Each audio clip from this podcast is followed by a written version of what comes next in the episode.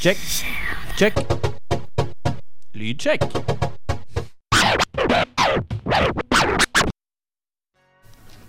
I morgen klokka halv sju åpner dørene i Vestlandshallen til det som for mange er høstens, om ikke årets eller livets, største konsertopplevelse.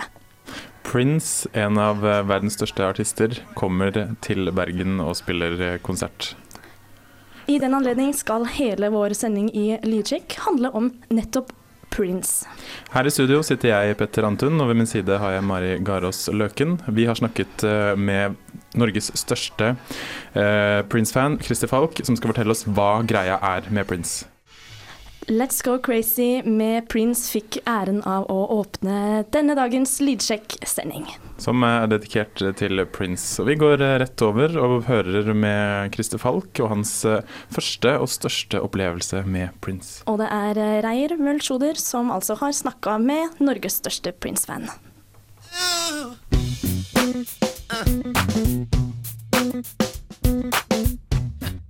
På mandag spiller en av verdens største nålevende artister i Vestlandshallen her i Bergen. Nemlig Prince. En artist som gjennom de siste 30 årene har bygga seg opp en enorm fanskare over hele verden. Og da òg i Norge. For å prøve å få et så godt svar som mulig på hva som egentlig er greia med Prince, så har Lydsjekk denne uka ringt Norges største Prince-fan og Prince-ekspert til å hjelpe oss med å forklare appellen bak artisten Prince. Kan ikke du presentere deg sjøl for uh, våre lyttere? Jeg heter Chris Falk. Jeg driver plateselskapet CPC Record sammen med min kollega Frode. Og jeg driver også et bokforlag som heter Falk Forlag. Og I tillegg så går jeg rundt på sommeren i kakiklær og er Robinson-Christer.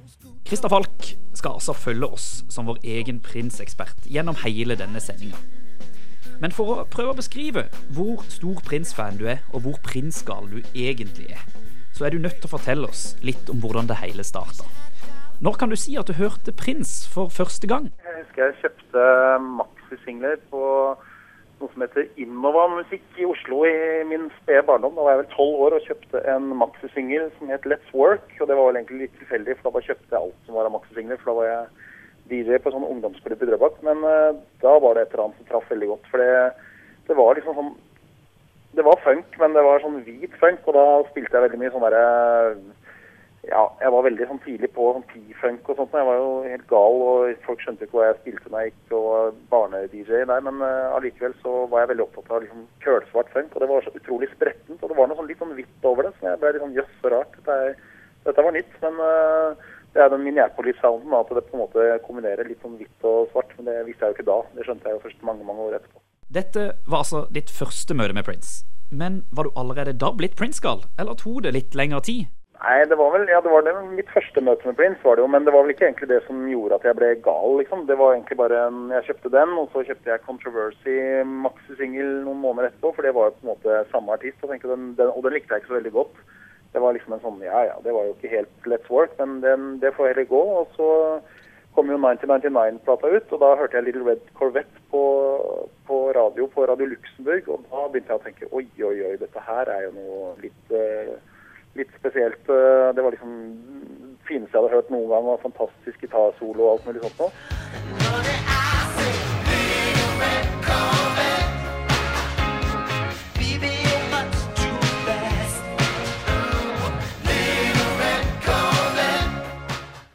Og da bestemte jeg vel egentlig for å kjøpe og finne ut liksom alt om Prince. Og da kjøpte jeg liksom selvfølgelig da 1999 LP-en, og så kjøpte jeg Controversy LP-en. Og så gikk jeg bakover i tid og kjøpte Dirty Mind og Prince og For You.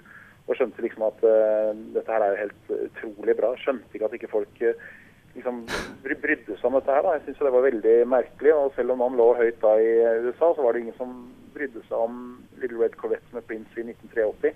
Det var først i 1984. Da liksom kom Purple Rain, og da også hørte jeg jo When Doves Cry på, Radio Luxembourg. Og da var det sånn New single by Prince. Det var liksom, det var ikke grenser. Den skulle den bli spilt, hadde premiere. Og jeg, jeg gleda meg, for jeg hadde hørt at liksom, de skulle spille den i løpet av dagen. Jeg satt klistra foran radioen. Jeg husker jeg var på hytta mi i Fredrikstad. Og når den låta kom, og da var jeg vel antageligvis så innstilt på at det skulle bli bra, at da var det liksom Jeg kunne ikke da si at det var dårlig, men når jeg da hørte den låta, så jeg bare ble dødsforelska. Jeg tror jeg ble skikkelig kåt. Ja. det var bare en helt fantastisk opplevelse. Det er det beste jeg har hørt noen gang i hele mitt liv, den låta der. Og den fikk jeg tatt opp da fra Radio Luxembourg med litt dårlig lyd og sånt, men jeg tror den spiltes i, i stykker før da som endelig kom på maxisingel på samme platebutikk i Oslo eh, etter det. Det er vel mulig å forstå allerede nå at du er over middels fascinert av Prince. Eh, derfor er dette kanskje et litt vanskelig spørsmål, men hva er din aller største Prince-opplevelse av alle de opplevelsene du har hatt? Ja, jeg har veldig mange sånne store Prince-øyeblikk. For jeg har jo sett Prince uh, snart 50 ganger live. Så det er klart uh, alle livekonsertene med Prince er jo noe eksepsjonelt. Jeg har jo vært på 15 eller sånn som aftershow etter at jeg har vært på liksom, de vanlige konsertene. og da ofte liksom når det går ut fra en tre timers fantastisk Prince-konsert, så, så, får man oppleve Prince en gang til liksom fire timer etterpå på en eller annen nattklubb, og da spiller han gjerne tre timer til, og da spiller han bare de låtene du liksom en Prince-fan vil høre, og ikke bare hitsene. Det er liksom noe helt, han, jo, han er jo lever i ånde for musikk, og han gjør det faktisk ennå. Han er jo 52 år nå, og fortsatt er en sånn som klør i fingra etter å kunne spille hvis han da har muligheten, hvis ikke han skal rett fra en spille opp til en annen eh, dagen etterpå. Liksom. Så hvis han har en fridag imellom, så er det jo veldig store sjanser for at han ender opp på en eller annen nattklubb. Og det er det jeg håper skal skje i Bergen også. det er det nok mange som håper på. Men for å peile deg litt inn på temaet igjen, hva er den aller største Prince-opplevelsen din? Aller største Prince-opplevelsen min, sånn hvis jeg må velge en, så var det antageligvis i 1996. Så eh, hørte jeg da Jeg var oppe om EMI, en kompis av meg som jobba på EMI, og så sa han fy faen, har du hørt Mikke eh, han er sjefen på EMI, da, hadde blitt invitert hjem til Prince i Minneapolis fordi alle sjefene for EMI Han skulle gi ut en trippelplate av Emancipation. Og alle sjefene for uh, EMI rundt omkring i hele verden var da blitt invitert til en sånn super jam session. og og det var bare Mikke da i Norge som hadde blitt invitert. Men han kunne ikke gå. Og jeg bare tenkte fy faen, for en utrolig waste. Her er vi invitert liksom, på en sånn så spesiell opplevelse. Og han jeg tror han skulle i noe barnedåp eller noe sånt på den helgen. Og jeg tenkte jeg kan ikke la en sånn sjanse gå for meg. Så jeg gikk inn på rommet til Mikke og sa hei og hå og sånt. Og da han snudde ryggen til, så stjal jeg noen visittkort av han, uh, hvor det står Mikke med masse IMI på.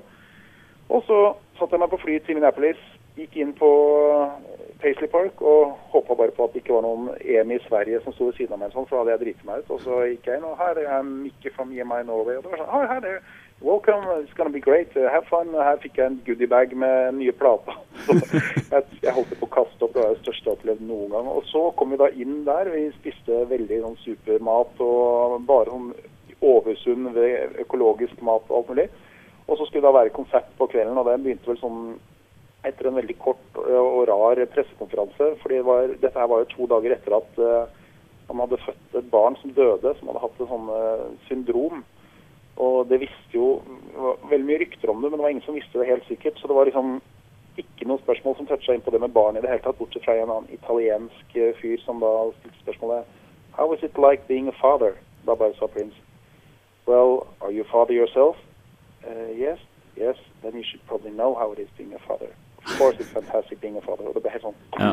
helt sånn derre alle svelga, og du hørte liksom lyden av en knappenål. Som og da gikk han da ut på scenen. Etter dette her hadde han en konsert. Uh, skulle spille utdrag fra Emancipation og gjøre en del andre ting. Som, uh, og da spilte han av min favorittlåt gjennom alle tider mens jeg sto på første rad. Mens jeg sto og holdt på anklene til Prince. For jeg, jeg, jeg vet ikke helt hva som gikk av meg, men jeg tror rett og slett jeg hadde tenkt å stjele den med hjem.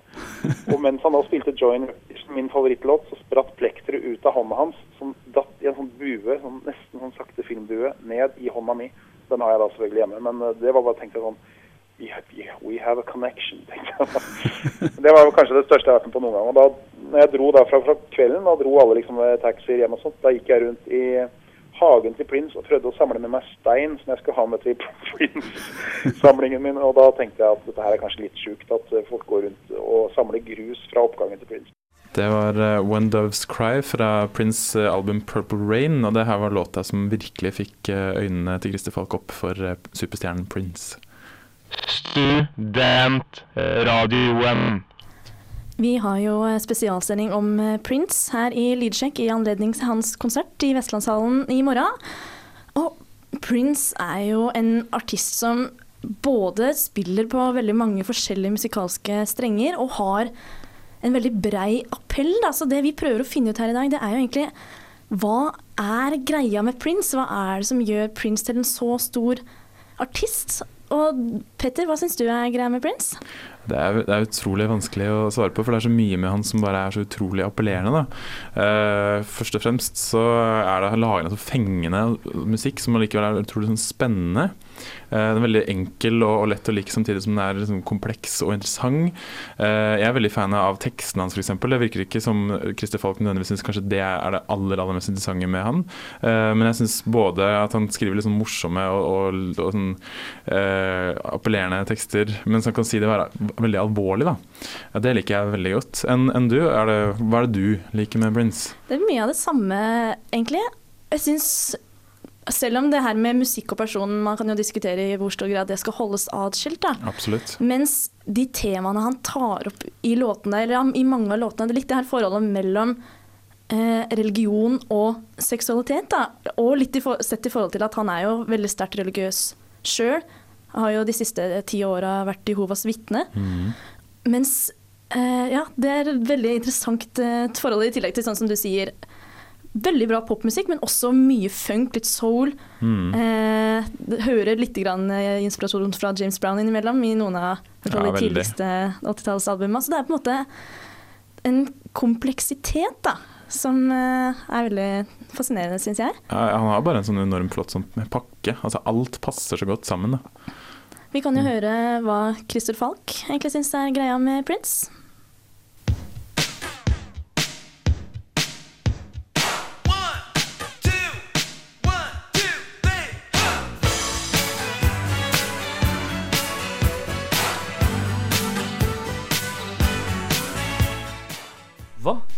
Er det som egentlig er greia med Prince? Et spørsmål som har mange svarmuligheter og mange fasiter. Derfor henvender Mie Lydsjekk oss igjen til deg, Christer Falk, Norges største Prince-fan. Og om du skal prøve å svare på dette spørsmålet, så kan vi jo dele det opp i to. Prince som person og Prince som artist. Så hva er egentlig greia med Prince som person? Som person så er han jo Han gikk jo da 80-tallsskolen på en måte hvor eh, alle var så utrolig tilgjengelige. da. Det var jo 80-tallet i et nøtteskall. Jo mer kjent du ble, det var jo fordi at du var overalt og gjorde overalt intervjuer. og det var jo sånn på den tida at Jo mer intervjuer du gjorde, jo større ble det jo. For det var veldig få steder man kunne gjøre intervjuer. og Du var liksom avhengig av å gjøre de store aviser og blader til enhver tid for liksom, at folk skulle huske deg. da.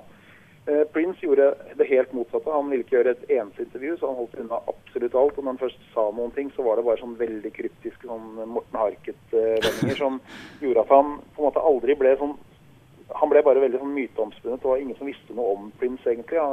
Det har jo gått så mye rykter om Prince. At han er homo, at han er vegetarianer, at han ikke drikker alkohol, og at han er dopu og alt mulig sånt. Men det er egentlig ingen som visste det her med Prince da, i gamle dager. Han var bare en sånn fyr som folk bare hørte på musikken på, så syntes det var en corny fyr. Så liksom, Hvis du opplevde 80-tallet, så ville du jo sannsynligvis blitt veldig nysgjerrig på ham. Det var jo en helt sånn motsatt taktikk av alle andre gjorde, men allikevel så var det noe sånn helt eh, liksom opphøyd over det han, eh, hvem han var og hva han gjorde. da. Så det var jo på en måte Som person så, så fikk du jo aldri helt taket på han. Han sa rare ting. Han kommer på en Oscar-utdeling hvor han vinner da eh, Oscar for beste filmmusikk til Purple Rain-filmen sin med en bodyguard, liksom, når Jack Nicholson sitter i midtgangen og er bare sånne store folk. Og da er det veldig viktig for Prince at det går en bodyguard på 2,50 meter og 50 og kjempefeit fyr som går og passer på at han kommer opp på scenen uten at en eller annen skuespiller skulle angripe. Og så går han opp på scenen 'thank God', og så går han ned igjen. Liksom. Det er bare sånn veldig absurde ting han gjør. Er, han har aldri vært offentlig glad i offentlighet, aldri vært noe glad i egentlig å snakke. Uh, men han har på en måte gjort veldig mye sånne rare valg. Har tatt ekstremt rare valg opp igjennom. Han har istedenfor å liksom bli sur på plateselskapet sitt i offentlighet og ta den debatten, så har han liksom tegna 'slave' i ansiktet sitt og er veldig sånn prinsippfast og bitter eh, og grinete. På den ene sida er han altså bitter og grinete, og allikevel så selger han masse plater og tjener masse penger. Hvordan har han fått dette til? Han har jo på en måte revolusjonert platebransjen i måten han tenker på veldig veldig mange ganger. Det er jo folk som tenker eh, du kan tenke, Han selger jo ikke i nærheten av så mange plater som store artister, men allikevel så tjener han jo ti ganger så mye per plate. Fordi han selger og gjør alt sjøl, eier sjøl, alt sammen. og Han er jo antageligvis det mest lysende forretningshodet vi har på denne jord. Så det er i hvert fall en sånn eh, Hvis man tenker på mm, Prince som person, han er jo en veldig fascinerende personlighet. Han eh, det er liksom alt fra Gud til sex, en sånn utrolig krasj som ingen egentlig skjønner seg på. Han snakker om at han omtrent jeg er så religiøs at jeg må ligge med deg. Det er omtrent det som var budskapet hans på hele 80-tallet. Det er jo også noen som tenker at er det litt rart? Så det er det sikkert.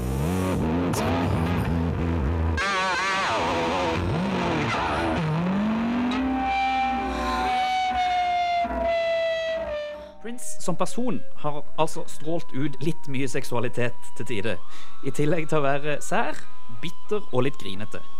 Allikevel så er han hylla som musiker og artist. Eh, hvorfor er han det? Prince han, jo, han er jo en sånn totalartist. Han spiller mer eller mindre alle instrumenter du bare vil. Han spiller eh, liksom, Gitarspillet til Prince det er så bra det, at jeg tror ikke egentlig folk skjønner hvor bra det er. Han eh, gjorde jo bl.a. en sånn hyllest til eh, George Harrison, hvor han spiller my, eh, When My Guitar Gently Weeps, som bare er de andre som spilte på den scenen. Det var liksom Tom Petty og jeg tror til og med Eric Clapton har uttalt seg om dette her. og Det var liksom masse store artister som bare hadde fått et sånt sjokk når han gikk på scenen og spilte det han gjorde. fordi det er liksom han, han, han griner med gitaren, da, mens de andre på en måte spiller og planker og prøver å gi noen sånne små hyggelige referanser. Så, så gråter Prince det han spiller, og det er en sånn Du merker det veldig. Det er sånn mange som snakker om BB King som greide å treffe en eller annen tone på gitaren som gjør at folk liksom griner, men Prince treffer alle tone, gråtetonene i liksom registeret sitt, som, som gjør at det er helt umulig å ikke bli liksom truffet på et eller annet sånn eh, ja, et eller annet nivå kroppslig av det han spiller. Prince er altså på mange måter et musikalsk geni. Men om du ser bort fra selve komposisjonene i musikken hans, hvordan er han som eh, låtskriver? Han er jo en eh, fantastisk låtskriver. Han skriver eh, veldig gode tekster. Veldig fulle av referanser og metaforer. og Det er jo klart det er jo mye plumpt og rart han gjør også, men hvis man setter seg ned og analyserer Prince sine tekster, så er det ganske mye der som, som du, du, du skjønner at han er en fyr som leser en del og følger med på hva som skjer. da. Men det er vel er ikke akkurat tekstene han kanskje er mest kjent for. Men så har han det at han har eh, et ståsted i jazzen, han har et ståsted i funk. Han er jo avla på streit popmusikk. Han uh, har gitt ut klassisk musikk og hørt mye på det. Han er jo liksom en fyr som rett og slett bare har veldig sånn veldig lett for å adoptere andre musikkstiler og gjøre egne vrier ut av det. Så jeg mener at uh, å høre på Prince er jo egentlig det en musikkhistorie. Det er egentlig bare å hører deg gjennom den viktigste perioden av Prince, som jeg vil si er fra 83 og fram til 91 først, og så litt sånn sporadiske låter, så vil du egentlig bare bli opplært i hva musikk er. Altså. For han, han er egentlig det totale svaret på hva musikk er. Det totale svaret på hva musikk er, sier Christer Falk om Prince, og det er jo virkelig musiker han er. Og spesielt kanskje i forhold til de filmene som han har lagd. Eh, ja, altså han har jo vært med å spille i og, og, og regissere et par filmer.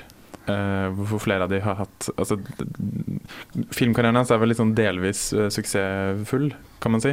Han, den første, den mest kjente filmen som han har vært med i og laga soundtrack til, han har forstått laget soundtrack til alle filmene, selvfølgelig, det er 'Purple Rain'.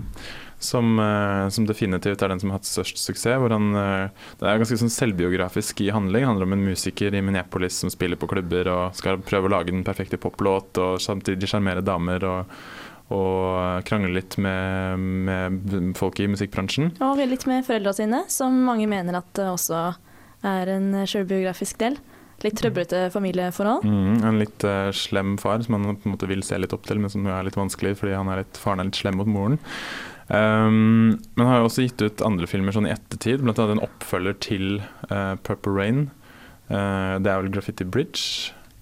Uh, og Hva skal man si? Og Prince, altså Under the Cherry Moon er også en av de andre av Prince sine filmer, hvor han spiller en ja, slags sånn gigolo piano-entertainer i Mm. Paris. Og åh, mens man kan si at jeg syns Purple Rain er en bra film. Den Ja. eh, duger jo, og musikken er jo eh, alltid bra, syns jeg personlig. Men altså, Under the Cherry Moon Fytti katta, det er ikke noe særlig bra film, altså.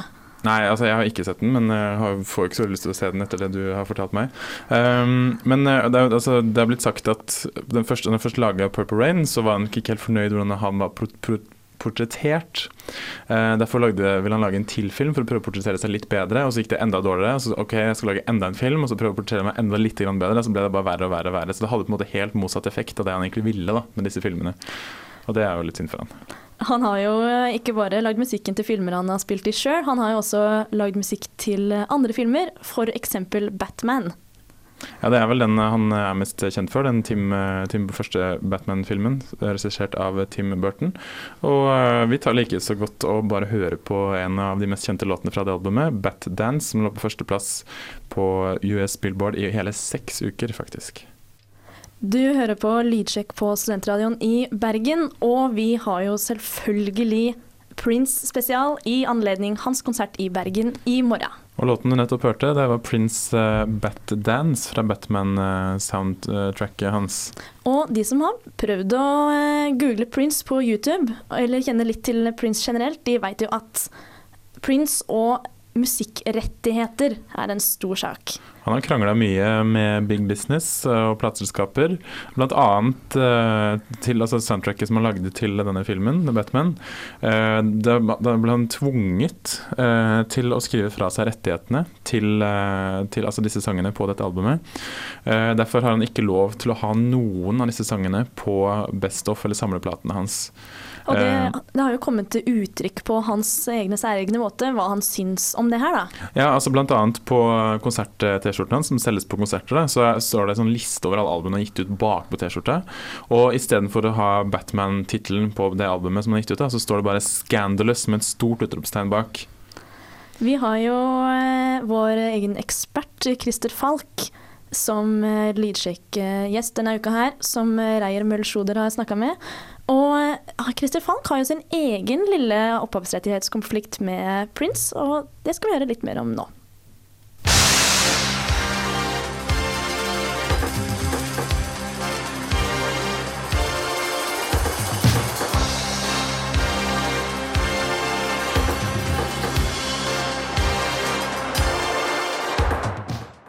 Vi har i løpet av denne Lydsjekk-sendinga fått et innblikk i Christer Falk sine personlige Prince-opplevelser. I tillegg til at han har prøvd å forklare oss hva som egentlig er greia med Prince, både som person og som artist. Men som mange kanskje har fått med seg, så har Christer Falk òg havna i klammeri med Prince. Eller i alle fall med advokatene som Prince omgir seg med. Vi lar Christer Falk fortelle historien sjøl, sånn som han opplevde det.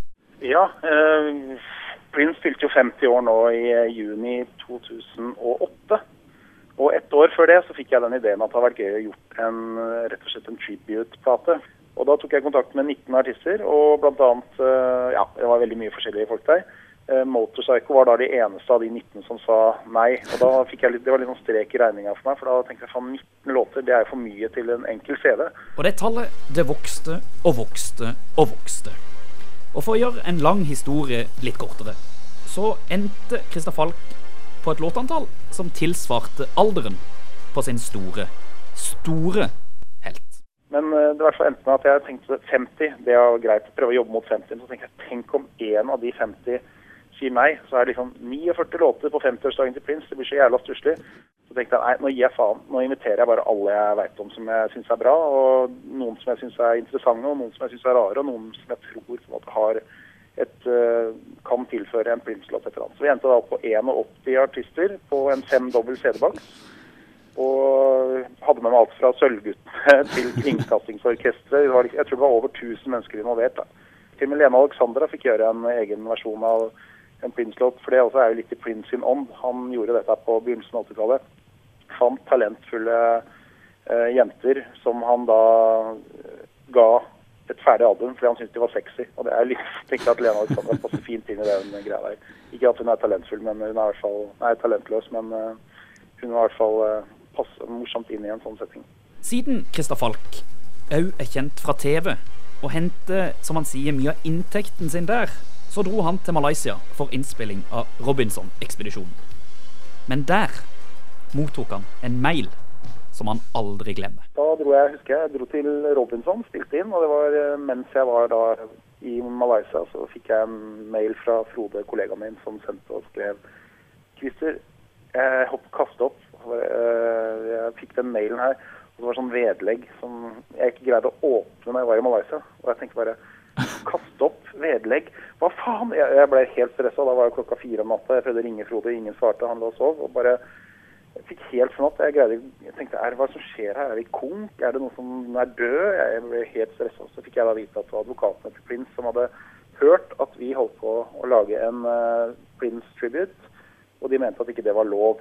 Det som var da det såre temaet med Prince, var jo at uh, han likte ikke at noen lagde instrumentalversjoner av uh, låtene. Jeg tror det var det som var liksom hovedkjernen.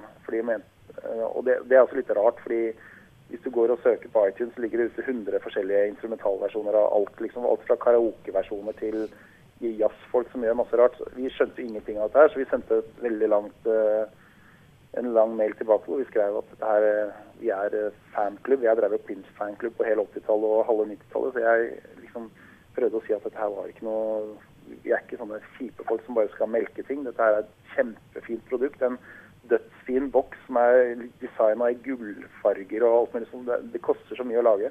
Vi hadde da utgift på jeg vet ikke mye det var, 600 000 eller sånt på selve innspillinga. Totalt sett, så vi ble jo så skuffa. Men uh, da fikk vi en mail tilbake hvor det sto bare uh, Hyggelig at dere er Prince-fans, men uh, i løpet av de neste døgnet skal alle de 5000 knuses. Og vi skal også ha en ekstra Jeg husker ikke hva det var, sånn helt sjukt advokatkrav. Men Christer Falk og co. ga seg ikke så lett. Og de kom opp med ideen om at bare Prince fikk sett og hørt skiva, så ville dette her gå helt greit. Og da sendte vi da skiva til Prince i bursdagsgave hjem til Prince istedenfor. Og så håpa vi på at uh, kanskje han ser den, og kanskje han da tenker at uh, dette her er faktisk gjort med kjærlighet. da. Mm. Og så hørte vi faktisk aldri mer etterpå. Men hvordan, hvordan, ligger det an med det, denne boksen nå? Er det noe der ennå vurderer å gi ut, eller er det helt skrinlagt? Ja, jeg har uh, ganske mange tusen liggende i kjelleren min. Ja, det var ingen utlendinger som turte å ta inn, siden de ble trua med rettssak bare fordi at de hadde forhåndsskrevet at de hadde tenkt å ta det inn. Så jeg har en del uh, liggende i kjelleren, men uh, er, vi selger den, vi. Og den selges gjennom bare på hjemmesiden vår. er det eneste sted i verden du greier å få tak i. Mm, så, men du har ikke tenkt å prøve å kontakte Prince når han kommer til Norge nå, for å på en måte få en endelig avklaring? Nei, jeg føler liksom at uh, på 52-årsdagen hans så skal han slippe å bli rippet opp i en sånn to år gammel bursdagsgave. Og i tilfelle tenk man blir sur, liksom. Og så forfølger han meg på nytt. Så jeg kommer ikke til å gjøre noen sånne store framstøt for det. Men jeg kommer til å ha med meg en del i veska når jeg skal til Bergen. Og så skal jeg smiske meg innpå kanskje bandet hans. Eller egle meg innpå hvis det blir et aftershow og det er lang kø. Så kanskje jeg kan snike meg foran i køen mot at jeg bytter og sånt. Det er, fint, sånn, det er utrolig mye verdt i vennekretsen min. Det er jo utrolig mange som har lyst på den boksen her. Og, og folk, liksom, hver gang jeg drar fram den boksen på et eller annet, så blir det sånn Er det den Prince-boksen? Så det er ganske kult at folk er uh, litt sånn langt over gjennomsnittet ivrig på å faktisk uh, få tak i det. Men det er ingen som tror at den finnes. Så skal du på konsert førstkommende mandag i Vestlandshallen. Og du ser Christer Falk gående rundt med ei taske. Så er det bare å prikke han på skuldra og be pent om å få kjøpe.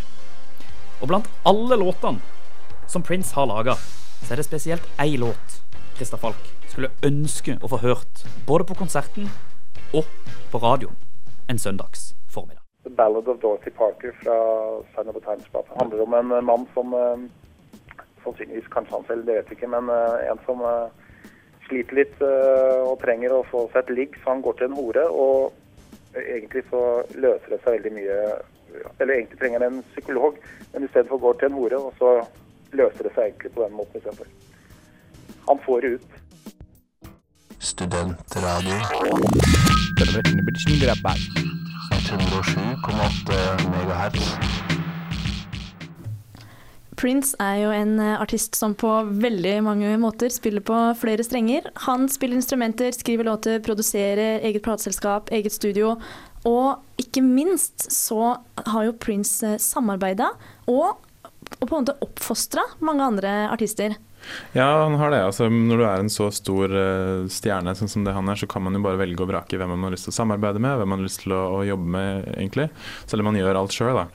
Uh, men han har jo eh, kanskje noen av det som han er mest eh, kjent for, da, er jo at han, det er faktisk han som spiller gitar på, eh, på Madonna-låta 'Like a Prayer'. Ja, Tror du det er det han er mest kjent for? Eller sånn, Jeg veit ikke om det er så mange som egentlig Mm, veit at han gjør det.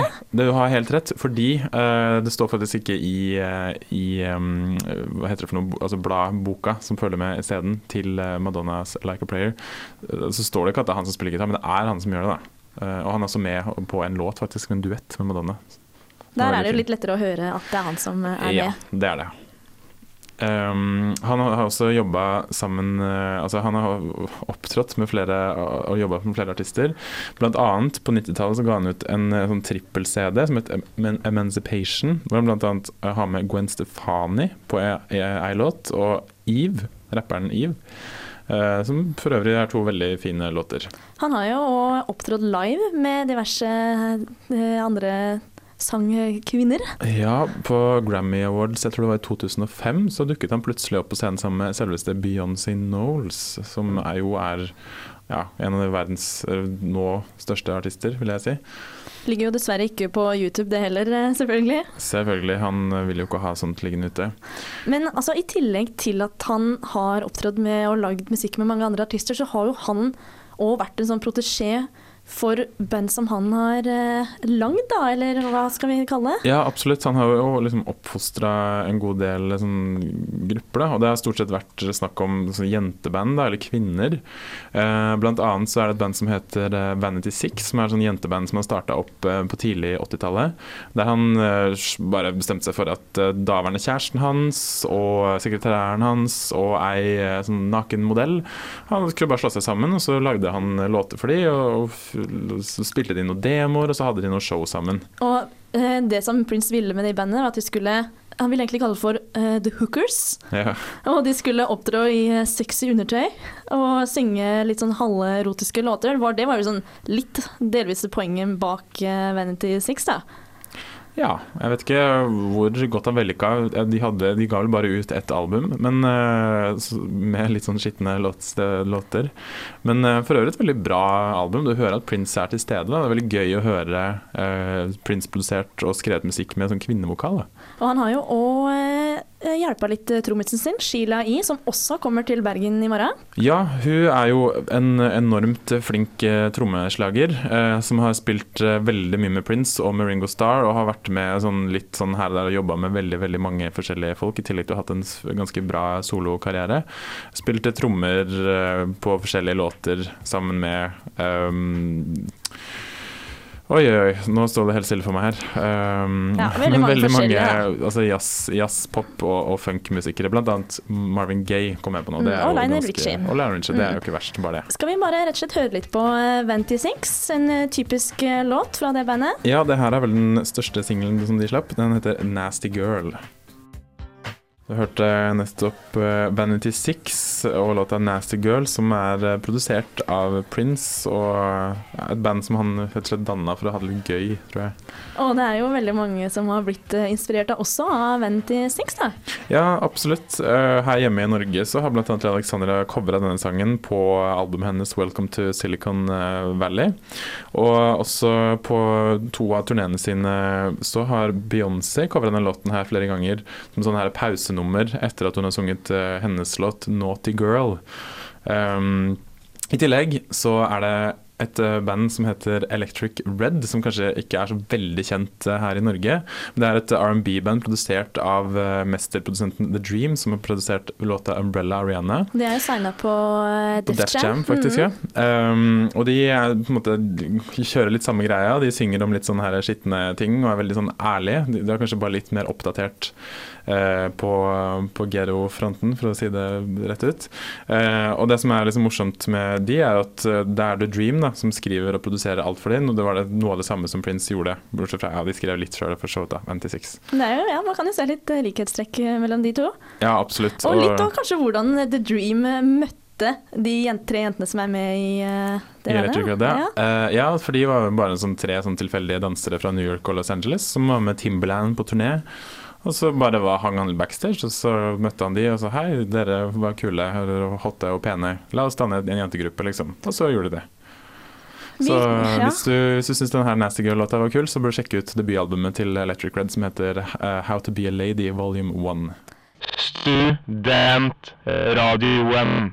Vi kunne jo ha snakka i timevis om Prince, Prince-relaterte artister, prosjekter, låter, tekster, samarbeid i det hele tatt. Det er mye å ta av. Det kunne vi ha gjort, men dessverre så har vi ikke tid eh, til det. Tiden for sendinga begynner nemlig å renne ut for denne Prince-spesialsendinga. hvis vi skal eh, oppsummere litt da, med det spørsmålet som vi stilte i starten, hva er egentlig greia med Prince? Hva er det som har gjort at han er så utrolig eh, populær? Det- Vi har vel funnet ut at uh, i hvert fall musikken hans i seg sjøl, at den er helt fantastisk uh, fengende. Han som person er veldig mystisk og, og spennende. Det som jeg tror er at veldig mange kan finne på en måte ulike deler av Prince som de liker. da. At han har jo for eksempel, Det har vi ikke snakka så mye om, men han har jo gitt ut mye sånn jazzgreier på starten av 2000-tallet. Så han er, altså i tillegg til å være noe jeg vil si er et eh, musikkgeni, så har han på en måte veldig mange sider ved seg, da, i tillegg til at han er så interessant og spesiell som person at du legger litt eh, merke til. Ja, absolutt. Han har jo ikke bare gitt ut jazz, men han har også gitt ut både klassisk musikk og, og veldig sånn uh, rocka ting og veldig funka ting, og så rein pop igjen, da. Så ja, så selv om han har jo Ja, det er jo den popen som man hører mest på radio, det er jo det her med ja, kontroversielle tekster og sånn som han har fått mye oppmerksomhet på, så ligger hele tida det her musikalske talentet som et fundament hele veien da, i hans karriere, og jeg tror at det er mange artister blir jo populære i dag fordi de har bra managere, at de ser pene ut og så videre og så videre, Mm. mens han er rett og slett en dyktig musiker og artist og låtskriver. Ja, Han spiller jo enormt mange av instrumentene sine sjøl på albumene, men han er også en kjempegod entertainer. Altså På scenen også så leverer han enormt gode show. Han spilte konsert på Roskilde nå i sommer, og anmeldelsene bare var helt i, sky- så i skyene. Det var helt fantastiske gode anmeldelser etter den konserten. Selv om han er 52 år gammel, så viser det han ikke tegn på å bli sliten og gammel og trøtt og lei av å stå på scenen. Så det er eh, altså fortsatt billetter igjen til eh, Prince-konserten i morgen i eh, Vestlandshallen. Det er verdt alle de 935 kroner som billetten faktisk koster. Absolutt.